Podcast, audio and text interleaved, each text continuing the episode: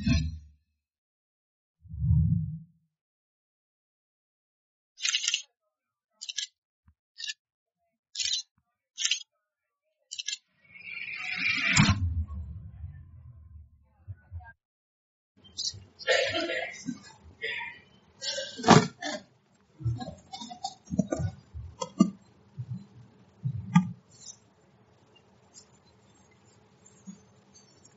إن الحمد لله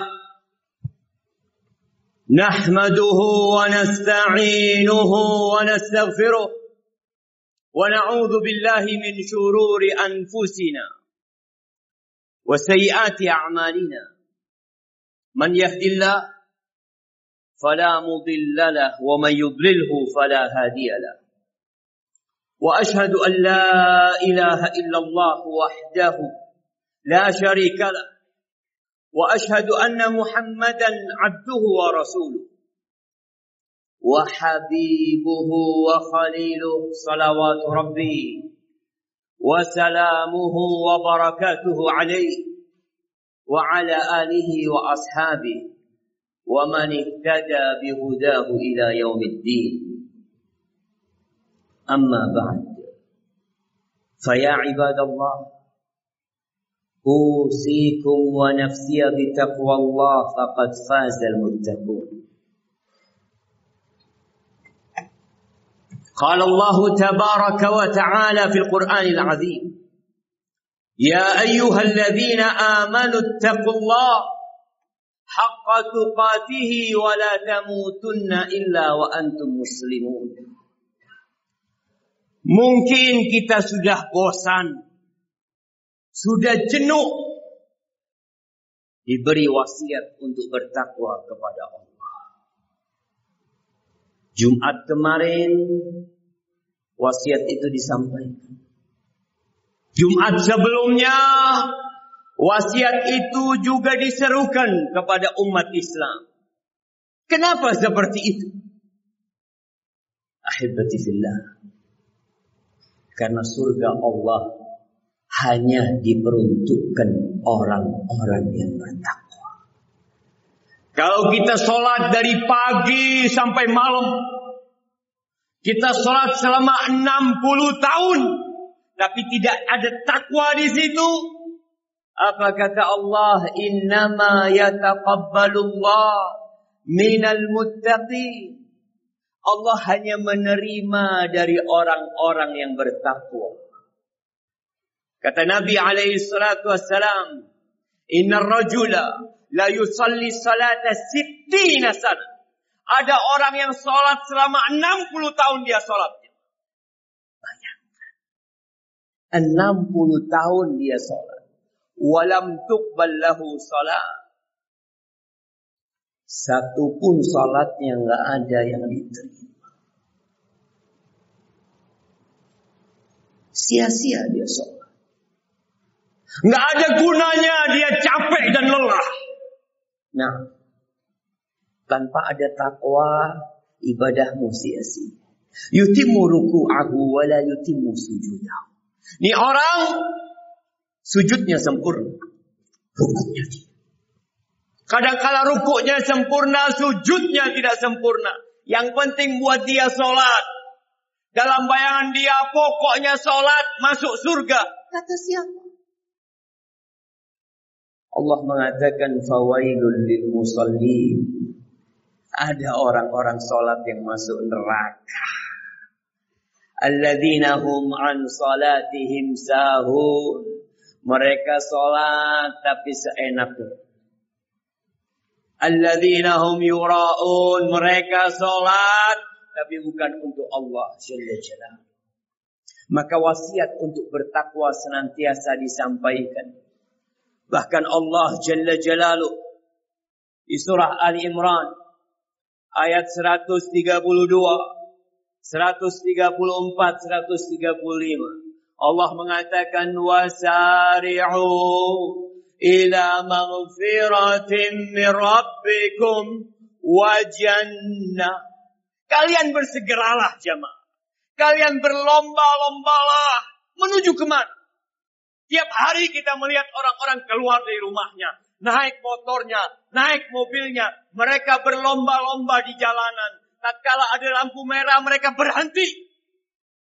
Tapi setelah itu, kita melihat perlombaan itu dimulai. Mereka sedang menuju ke mana? Ke tempat kerjanya. Ke sekolah. Ke usahanya Allah suruh kita berlomba-lomba menuju ampunan Allah Azza wa Jal. Segala fasilitas Allah berikan kepada kita. Tapi kita tak pandai mensyukuri. Kuku yang ada di tangan kita belum kita syukuri. Bahkan mungkin kita lupa kalau kuku ini nikmat Allah Azza wa Jal. Kita diperintahkan bersegera menuju ampunan Allah wa jannah dan surga. Seperti apa surga itu? Seperti rumah yang kau tempati. Seperti warisan yang kau dapat. Seperti istana yang ada di Bogor. Seperti pulau Dewata, pulau Bali di sana. Seperti itu. Subhanallah. Surga itu arduhas samawati wal ard. Luasnya seluas langit dan bumi. Kalau mau berlomba-lomba itu jangan untuk rumah, Jangan untuk mobil, jangan untuk jabatan. Yang semuanya akan kau tinggalkan. Arduhas samawat wal ard. Luasnya seluas langit dan bumi. Untuk siapa itu surga? Pantaskah orang seperti kita masuk surga? Pantaskah fulan masuk surga? Kata Allah, U'iddat lil muttaqin. Surga itu dipersiapkan untuk orang-orang yang bertakwa. Engkau tahu kenapa wasiat takwa tak boleh berhenti. Karena tanpa takwa nggak ada nikmatnya kerja dan usaha. Allah sebutkan di antara sifat orang-orang yang bertakwa. Seperti apa mereka? Mereka yang tidak terlalu peduli sama dunia ini. Buktinya apa? Alladzina yunfiquna fis Buat mereka bekerja berusaha tapi untuk bersaudara. Mereka berinfak di jalan Allah Azza wa Dalam kondisi suka dan duka. Buat mereka harta di tangan bukan di hati. Buat mereka bekerja keras mencari dunia untuk membangun akhirat. Dia tahu bahwa harta yang dia kumpulkan, rumah yang dia bangun, usaha yang dia bina, semua akan dia tinggalkan semuanya. Jamaah pernahkah engkau mengantarkan seorang ke dalam liang lahat? Orang kaya raya. Mungkin dia seorang presiden. Mungkin dia seorang gubernur. Engkau letakkan dia di tanah. Adakah istrinya yang menemani? Adalah anak-anaknya yang menemani? Siapa yang menemani antum bisa? Anak-anak yang katanya sayang sama orang tuanya akan meninggalkan antum. Istri yang katanya setia hidup dan mati, antum mati mungkin dia kawin lagi. Maka tatkala manusia bertakwa ini, ya, aku berusaha bekerja di dunia, tapi aku ingin membangun istana di surga Allah. Maka dia berinfak dalam kondisi suka dan duka. Wal kazimin al ghair. Mau lihat orang yang bertakwa, mereka adalah orang yang bisa menahan emosinya. Mengontrol amarahnya. Dia tidak melampiaskan emosinya untuk diri dia sendiri. Billah. Pernahkah kita disakiti? Pernahkah kita dilemparin batu tangan kita? Pernahkah kita dilemparin batu kaki kita sehingga berdarah-darah? Kalau pernah antum akan marah, Kadang-kala untuk masalah yang remeh. Sama istri, sama anak, sama anak buah. Kita marah. Sedangkan penghuni surga. Wal kadhimin al Mereka orang yang bisa menahan emosi. Dia mampu melampiaskan emosinya. Suatu hari Rasulullah Sallallahu Alaihi Wasallam ditanya, Ya Rasulullah, kam na'fu anil khadim? Berapa kali kita memaafkan pembantu? Pembantu yang dulu sebagian mereka adalah budak yang diperjualbelikan. Yang mungkin pembantu itu melakukan kesalahan dalam pekerjaannya. memecahkan piring, memecahkan gelas. Mungkin pakaian mahal yang kita beli di setrika sampai gosong oleh dia. Mungkin mobil kita ketabrak. Apa yang harus lakukan? Marah. Nabi SAW ditanya, berapa kali kita memaafkan pembantu tatkala berbuat salah? Kata Nabi SAW, Ufu anil khadim fi kulli yawm. Sab'ina. Maafkan pembantumu setiap hari 70 kali. Ahibati Datang seorang sahabat meminta wasiat kepada Nabi alaihissalatu Ya Rasulullah, ausini. Berikan wasiat buat aku, wahai Rasul. Apa kata Nabi alaihissalatu Satu kata, la taqdar. Kamu jangan marah. Sahabat ini berpikir, nasihat itu sangat pendek. Dia ingin nasihat yang lain. Faraddada miraran. Dia ulangi. Ausini, ausini, ausini. Dan Nabi hanya mengatakan. La tagdob. Kamu jangan marah. Selesai urusannya. La tagdob walakal jannah. Engkau mau surga. Jangan marah. Jangan dipikir emosi itu tidak berbahaya buat kita. Di antara akar karakter buruk adalah al-ghadab. Marah. Dia lupa kepada siapa dia marah. Kadang kadang dia lupa dengan apa yang keluar dari mulut dia sendiri. Terkadang binatang muncul di mulutnya. Terkadang kotoran pun keluar dari lisannya. Itu mau masuk surga. Jangan. Wal al-ghaib. Wal 'afina. Dia suka memaafkan orang lain. Itu orang yang bertakwa. Dia tidak pendendam jamaah. Dia tidak menyimpan luka di dalam hatinya. Dia maafkan. Karena dia tahu dendam itu duri yang berada di hatinya. Mana mungkin dia akan simpan. Dia maafkan orang lain. Sebagian manusia berpikir, kalau engkau memaafkan, rendah martabatmu. Engkau jadi hina.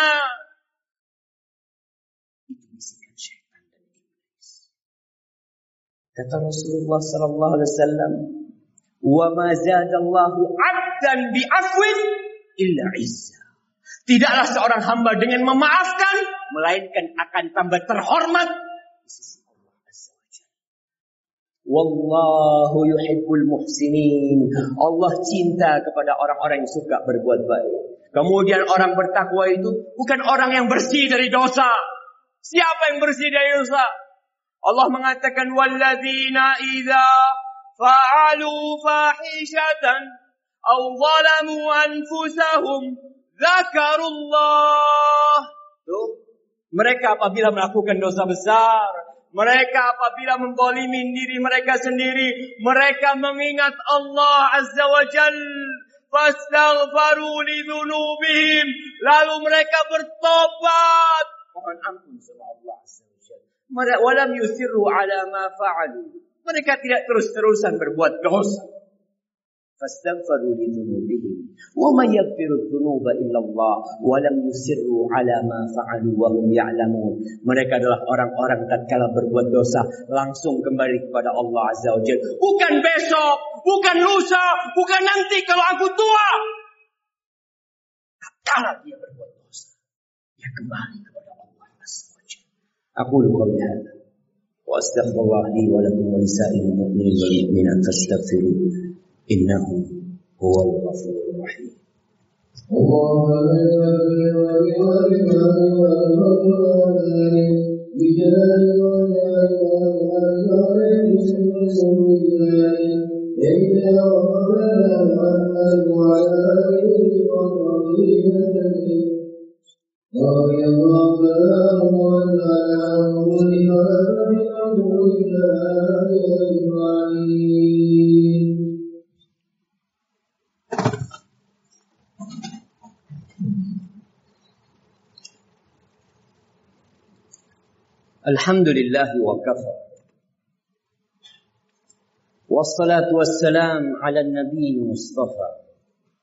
وعلى آله وأصحابه ومن اقتفى أما بعد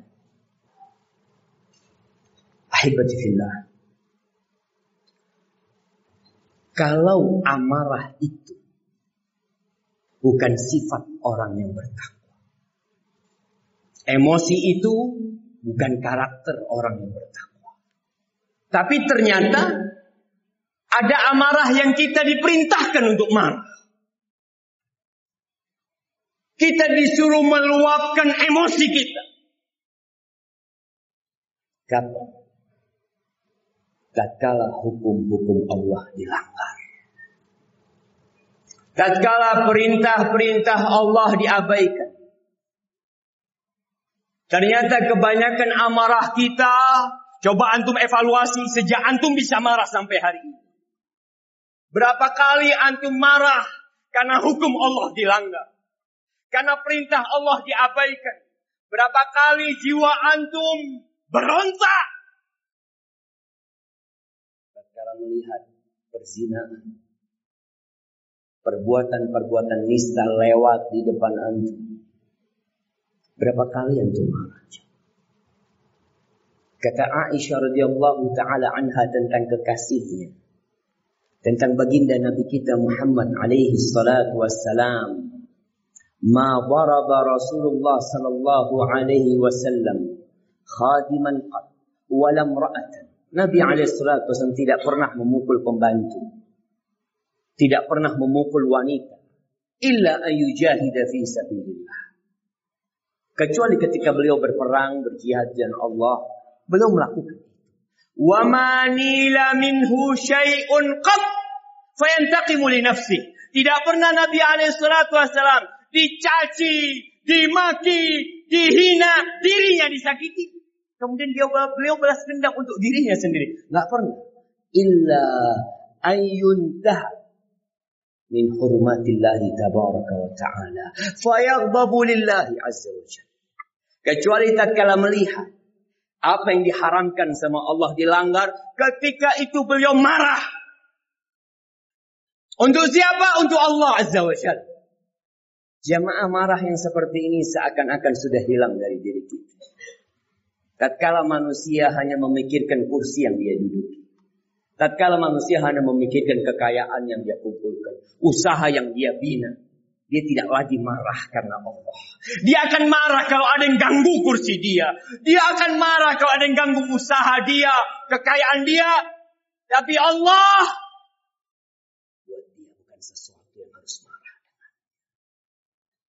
Ahibati fillah. Allah mengatakan wattaqu fitnatan.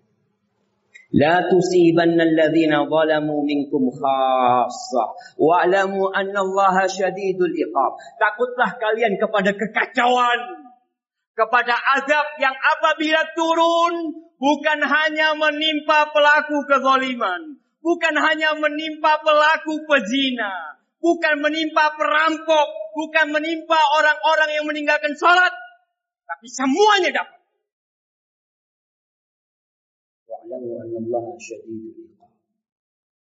Ketahuilah adab Allah itu pedih. Kita harus berpikir apakah akan membiarkan kemungkaran terjadi di keluarga kita. Kita melihat orang tua anak perempuannya dibawa oleh tetangganya dibawa oleh temannya. Anak-anak kita berpakaian yang mengundang birahi manusia dibiarkan. Sebagian makan riba dibiarkan, kerjanya riba dibiarkan, semuanya kita melihat kemungkaran-kemungkaran itu. Lalu kita diam. Di rumah antum, antum tidak ingkar. Di tetangga antum kita biarkan. Yang penting saya jadi orang baik. Antum harus jadi orang baik dan memperbaiki orang lain. Antum harus marah karena Allah Azza wa Jal dengan cara yang sesuai dengan syariatnya. Kalau tidak, mungkin kota ini, mungkin negeri yang kita tempati, suatu saat akan dihapus dari peta dunia. Tatkala azab Allah itu, antum pernah mendengar ada negeri Sabah di sana. Yang Allah mengatakan kepada negeri itu, baldatun thayyibatun wa rabbun ghafur. negeri yang berbahagia, negeri yang makmur dan diampuni oleh Robnya yang maha pengampun.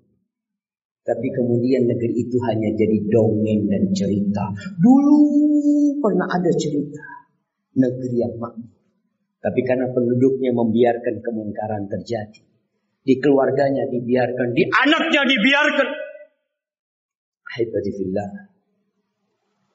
Bertanyalah kepada diri kita. Apakah pantas kita disebut orang yang bertakwa kepada Allah Azza wa? Ahibatifillah, hari ini hari Jumat. Harinya bersalawat buat Nabi alaihi salatu wassalam. Allah mengatakan Inna Allaha wa malaikatahu yusalluna ala nabi. Ya ayyuhalladzina amanu sallu alaihi wa sallimu taslima. Wa zid wa barik wa an'im على سيدنا ومولانا محمد. اللهم اغفر للمؤمنين والمؤمنات والمسلمين والمسلمات الأحياء منهم والأموات. إنك سميع قريب مجيب الدعوات. اللهم انصر إخواننا المستضعفين في كل مكان. اللهم انصرهم وأيدهم يا رب العالمين. اللهم منزل الكتاب. مجري السحاب هازم الأحزاب. اهزم أعداءك أعداء الدين يا رب العالمين. اللهم أصلح ولي أمرنا وولاة أمور المسلمين. اللهم أصلح ولي أمرنا وولاة أمور المسلمين. اللهم أصلح شباب المسلمين. اللهم أصلحهم ووفقهم لطاعتك يا رب العالمين. ربنا ظلمنا أنفسنا وإن لم تغفر لنا وترحمنا لنكونن من الخاسرين. ربنا لا تزغ قلوبنا بعد إذ هديتنا وهب لنا من لدنك رحمة إنك أنت الوهاب. ربنا آتنا في الدنيا حسنة وفي الآخرة حسنة وقنا عذاب النار. وسبحان ربك رب العزة عما يصفون وسلام على المرسلين والحمد لله رب العالمين.